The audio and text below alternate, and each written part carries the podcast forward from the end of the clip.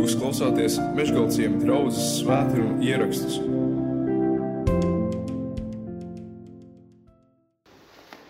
Nedēļu atpakaļ, tad, kad šeit draudzē daudz no jums arī bija kopā, un eh, mums bija ciemiņi, kuri, ar kuriem jūs skaisti pavadījāt laiku un klausījāties skaistas dziesmas sludināšanu.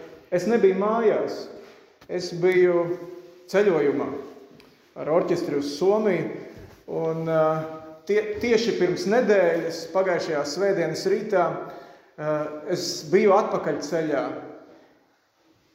Dievkalpojuma laikā uz prāmja no Helsinkiem uz Tallinu. Jāsaka, bauda ne, ar tādu lielu prāmi braukt. Es nezinu, viņam bija deviņi stāvi, laikam skaitās tāda liela māja, pelda pa ūdeni un laiks rāms, uh, ūdens spogulis, līdzens, gludens, brauciens, brauciens ļoti patīkams. Un uh, tas nav arī tādā ziņā nekas bailīgs, jo praktiski uh, visu laiku ir redzami krasti, vai nu Igaunijas vai Somijas krasts, visu laiku faktiski ir, ir redzams. Un tomēr tā apziņa, ka zem tevis ne, ir tas dziļums, nu, viņa kaut kur paliek. Tā apziņa, ka atstāt šo kuģi kaut kādu iemeslu dēļ pārkāpt pāri bortam, tas nozīmētu atstāt drošību. Būtībā, lai cik līdzens būtu ūdens klājs un nebūtu vētra un tā tālāk, pārkāpt pāri šī kuģa bortam, tas nozīmētu faktiski nāvi. Tādam puspeldētājam kā es jau nu noteikti. Un jūs zinat, ka uh, te vēl nesen bija kaut kāds gadījums, tas gan bija cits prāmis uz Stokholmu šķiet, kur uh, māte un bērns ne, kaut kāda iemesla dēļ tika pāri bortam un uh, jā, viņu, viņu vairs nav starp dzīvajiem vairs, vai ne? Mēs lasījām par Jonu, par šo pravieti, kurš uh, Dīvainā veidā viņš bēg no Dieva. Tas stāsts ir zināms, mēs lasījām tikai vienu nodaļu no tās, bet tas stāsts ir zināms, ka Dievs šo cilvēku, šo pravieti uzrunā, viņš dod viņam norādījumus, dod uzdevumu, es sagaidu no tevis to un to un to, ej, dari. Skaidrs, kas tev ir jādara. Jona kaut kādu iemeslu dēļ pagriež muguru tam virzienam, kurā Dievs viņam ir licis doties. Viņš dodas pilnīgi pretējā virzienā. Tad, kad Dievs teica, dodies uz austrumiem, uz Nīniju, viņš pagriezās uz rietumiem un devās uz Taršišu. Ja, tur ir jūra priekšā, viņš nopērk kuģa biļeti un dodas pretējā virzienā. Un mēs lasām pirmajā un otrajā nodaļā Jonas grāmatā, faktiski var ļoti skaidri redzēt, ka viņš dodas pretējā virzienā un arvien zemāk. Viņš dodas no kalnainas vietas uz leju, uz jūras krastu, kāpj kuģī, nokāpj kuģa visdziļākajā kajītē lejā. Un beig beigās nokļūst arī vēl jūras visdziļākajā vietā. Tas viņa ceļš, kaut arī Dievs viņu ir aicinājis otrā virzienā, viņa ceļš iet pretējā virzienā. Tikai prom no Dieva, tikai uz leju.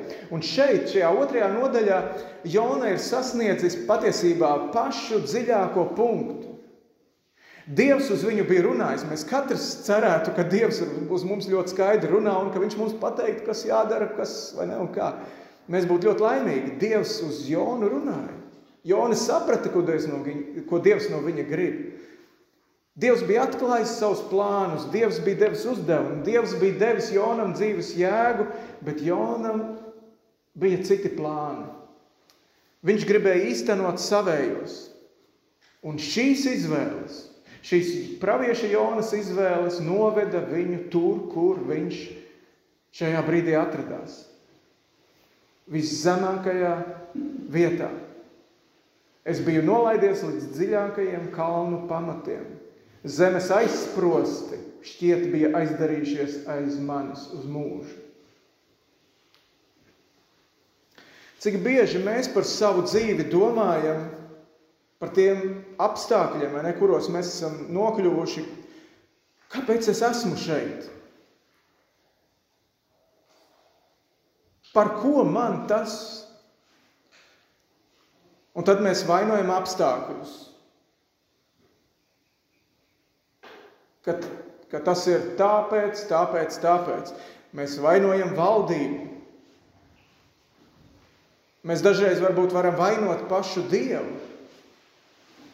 Kāpēc viņš man tur kaut ko tādu pieļauj?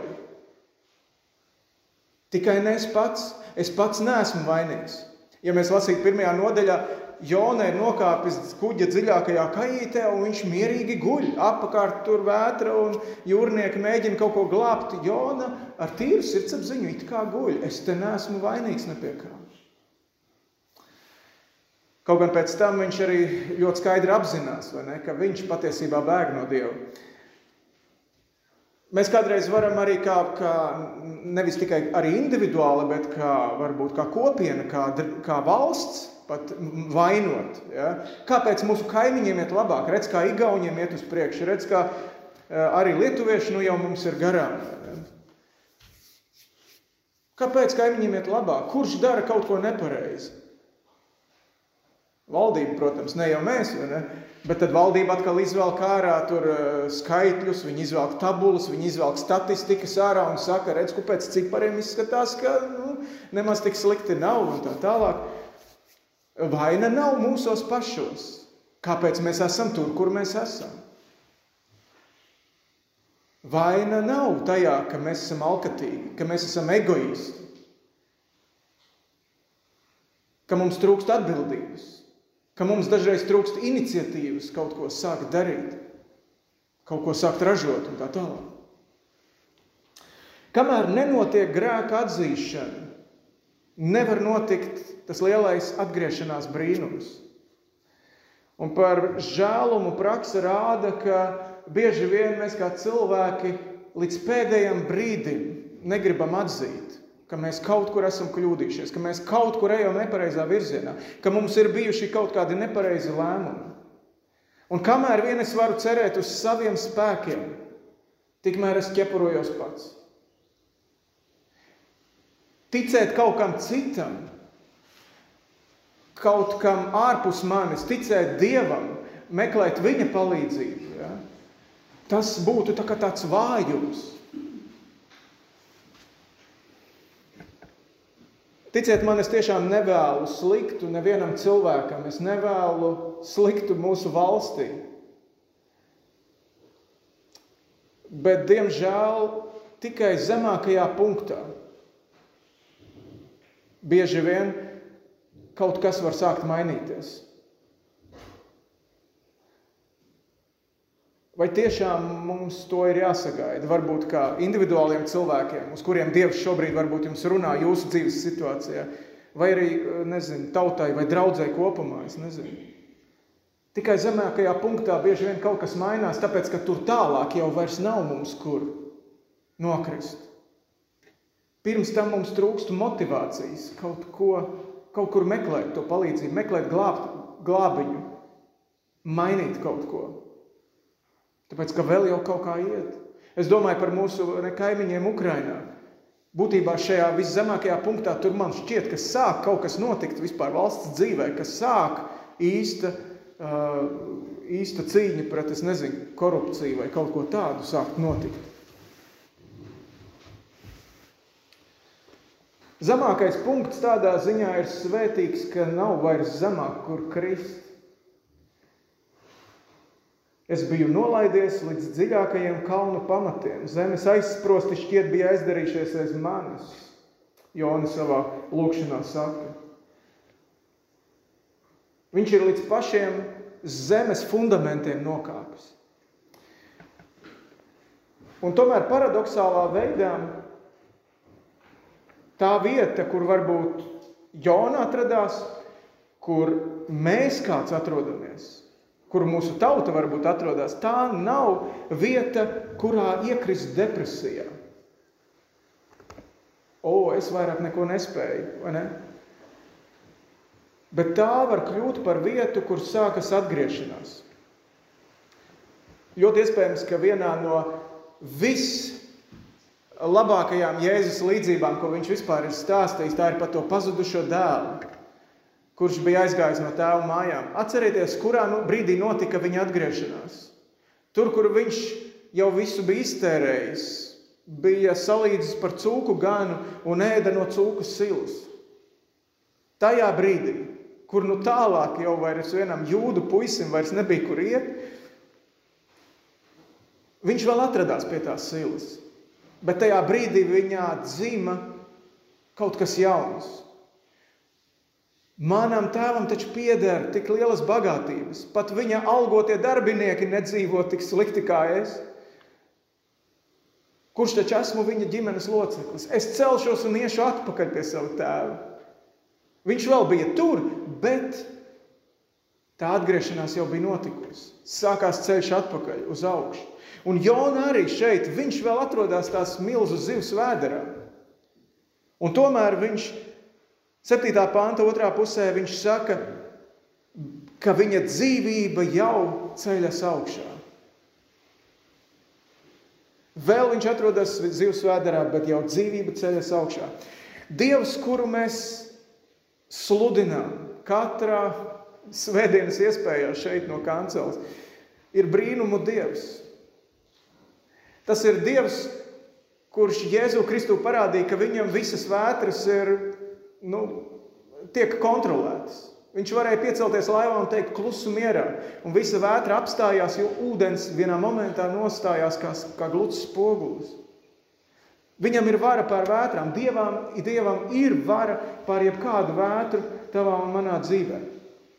Atcerieties, kad Amadejs bija, es neatceros, kurā no reizēm, bet viņš arī sludināja par Jonu. Un viņš teica tādu interesantu domu. Viņš teica, tā zivs, ne, kura piepeldēja, un tajā brīdī, kad Jona ir pārmests pāri bortam, aprīja Jonu. Šo zivi Dievs parūpējās, lai viņa piedzimtu, nāktu pasaulē, izaugtu jau vēl pirms Dievs bija Jonam teicis, ej uz Ninīvu sludināt. Pirms vēl Jona bija nepaklausījis Dievam un devies pretējā virzienā, Dievs jau bija parūpējies, ka tās zivs ir piedzimusi ka tās zivs ir izaugusi, ka tās zivs īstajā brīdī atrodas tajā vietā, kur viņai ir faktiski jāizglābj Jona no nogrimšanas. Jāaprīt.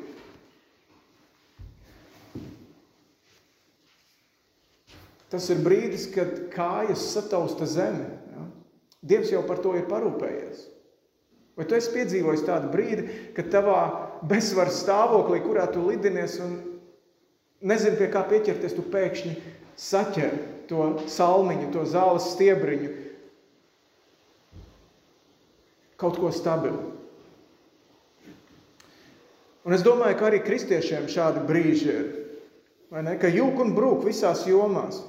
Un tu nezini, kāpēc. Un, jo mēs arī neesam imūni pret, pret kļūdām.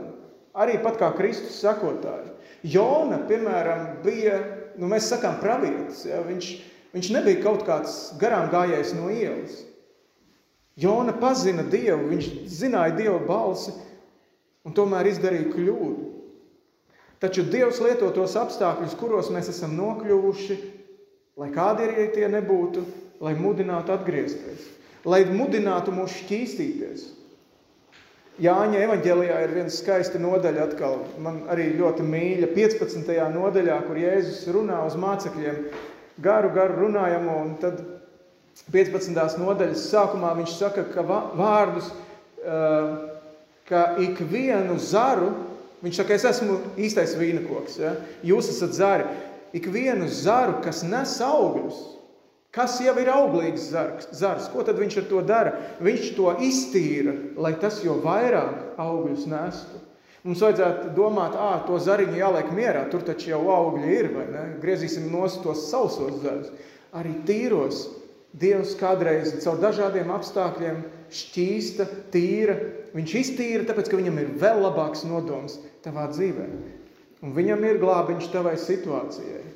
Jautājums ir, vai, vai tu tici, vai es ticu, vai es paļaujos, ka viņš zina, vai neko dara. Un interesanti ir tas, ka Jēzus kādā vietā Mateja evaņģēlī 12. nodaļā, 40. pantā, viņš šo notikumu ar Jonu attiecina uz sevi. Jo kā Jona trīs dienas un trīs naktis bija lielās zivs vēderā, tā arī cilvēka dēls būs trīs dienas un trīs naktis zemes klēpī. To saka Jēzus. Un viņš to saka ne jau tāpēc, ka viņš saka, es esmu tikpat nepaklausīgs kā Jona. Gluži otrādi. Mēs bēgām no Dieva. Mēs dažreiz arī vēl šodien, pat pazīdami Dievu, bēgam no Dieva. Un viņš saka, šīs lietas dēļ es trīs dienas būšu kapā. Tādēļ es trīs dienas būšu kapā, tāpat kā Jona zivs vēderā. Dievs zina, ka grēks mūsu dzīvē liek bēgt, liek slēpties. Tas jau notika ēdenē. Kad čūska pievīla tos pirmos cilvēkus, Ādamu un Ievu, un viņi baudīja no tā aizliegtā augļa, tad kaut ko, ja viņi iegūta, pēkšņi viņi atšķīra, kas ir labs, kas ir ļauns, ja, jo tas bija ļauna un laba atzīšanas koks, bet uz kā rēķina? Tas rēķins bija pārāk liels, ko viņi nespēja samaksāt. Viņi pēkšņi novija sev tur no vīģes lapām priekšautus, slēpās viens no otra un slēpās no dieva krūmos. Kad Dievs staigā apkārt un sauc Ādamu, kur tu esi, grēks lika slēpties. Mēs gribam darīt bieži vien pareizi savā dzīvē, bet mēs nespējam. Mēs gribam saņemt Dieva svētības, bet mēs grēkojam. Un mums visiem ir vajadzīgs tas glābējs. Mums ir vajadzīgs glābējs. Šajās dienās aprit 23 gadi kopš eh, Barenca jūrā nogrima Krievu armijas zemūdeni, Kursk. Jūs, kas esat vecāki cilvēki, kā jaunieši, atceraties droši vien to tādu notikumu, plaši izskanēja. Uz tā notika kāda eksplozija, uz tā kuģa klāja. Un uh, Tā domā, ka tā bija kāda bojāta torpēda, kas sprāga un tur vēl parāva līdzi citas detonācijas. Sprādziens bija tik liels, ka seismogrāfi dažādās pasaules vietās notvēra to, ka tur kaut kas notiek. Tā kā zemestrīce pilnīgi. Tā domā, ka apmēram viena piektā daļa no tās apkalpes pēc tā sprādziena arī vēl izdzīvoja vismaz 6 stundas. Daži pat domā līdz pat 36 stundām. Un viņus varēja izglābt. Bet šķiet, ka tā, to glābšanu neviens neorganizēja. Viņus varbūt pat speciāli, nezinu, neglāba. Mums labi zināmās valsts, labi zināmais prezidents toreiz bija atvaļinājumā, un savu atvaļinājumu viņš nepārtrauca. Valdība nepieņēma uh, palīdzību, ko piedāvāja kaimiņu valstis vai Amerikas Savienotās valstis pat. Un tad, kad pieņēma, tad jau bija stipri par vēlu jūrniekus glābt.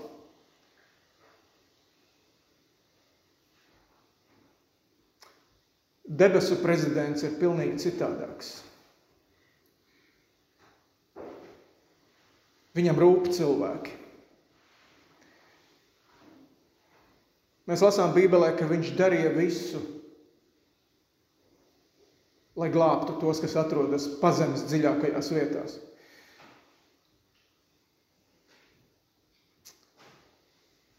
2. korintiešiem 5, 17, jeb kaut kur ap tiem pantiem ir jeb 19. Ir rakstīts, ka viņš, Dievs pats, Jēzus personā bija pie krusta.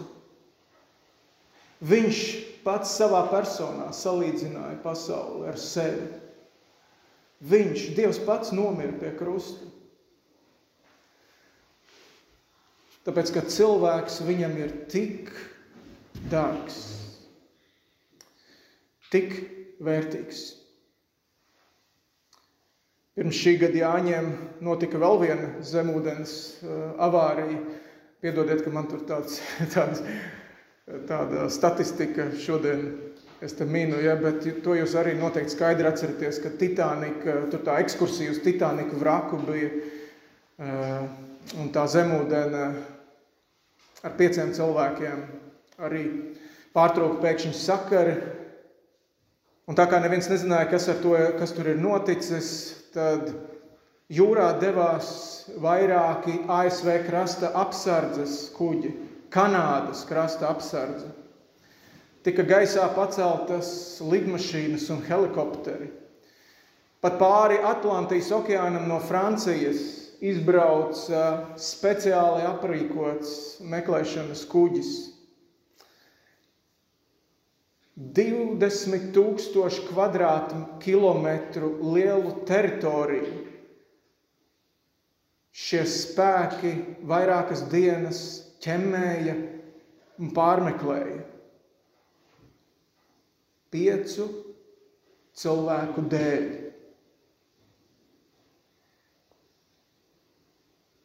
Šie pieci cilvēki bija tik vērtīgi. Cik gan vēl vairāk, cik gan vēl vairāk dievam? Es biju nolaidies līdz dziļākajiem kalnu pamatiem. Zemes aizsprosti šķiet bija aizdarījušies aiz manis uz mūžu, bet tu tomēr esi licis manai dzīvībai pacelties augšup no šīs tumšās bedres un izglābis to no pazušanas, kungs, mans dievs. Pēc brītiņa mēs nāksim pie svētā vakarēdiena, kā draudzi. Apstākļi un dažādas situācijas mūs var ievest ļoti tumšos dziļumos. Bet ir kaut kas vēl tumšāks, vēl baisāks, kur mēs neviens vēl neesam bijuši. Un tā ir nāve. Dieva lielais ienaidnieks. Dieva pēdējais ienaidnieks, ko Bībele saka, kas tiks uzvarēts kā pēdējais ienaidnieks. Un tās priekšā pat Jēzus ģedzamānas dārzā nodrebēja un cīnījās lūkšanā. Un tomēr viņš devās tai pretī. Pats būdams bez vainas, Viņš nebija pelnījis to. Ikvienam no mums būs jāsaskarās ar nāvi agrāk vai vēlāk, kā ar tādu procesu.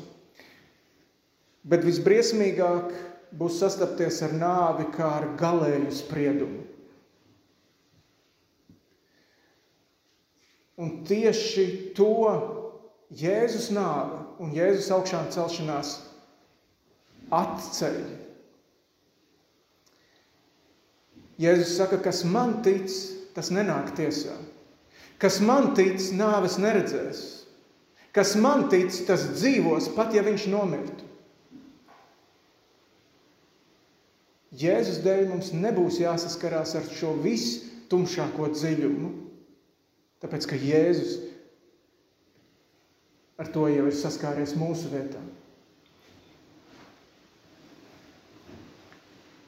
Un svētajā vakarēdienā Jēzus savu draugu mudina atcerēties. Ja tu uzticies man, ja tu savu dzīvi esi uzticējis man, tad tas ļaunākais, kas ar tevi var notikt, ir jau tev aiz muguras. Tas jau ir noticis. Tāpēc es aicinu ja kāds vēl nav savu dzīvi uzticējis Jēzum, tad šī ir diena, kad to var izdarīt. Uzticēt viņam. Vai ja kāds ir kaut kur, kā Jona, savas vainas dēļ, apzināti vai varbūt pat neapzināti pagriezis muguru un ceļo kaut kur pretējā virzienā tam, ko Dievs ir norādījis, tad šī ir arī diena, kur tu vari atjaunot savu uzticēšanos. Nāksim tādā klusā lūkšanā Dievu priekšā, lai svētais gars pārceļo mūsu dzīves, sirdes, domas, notikumus.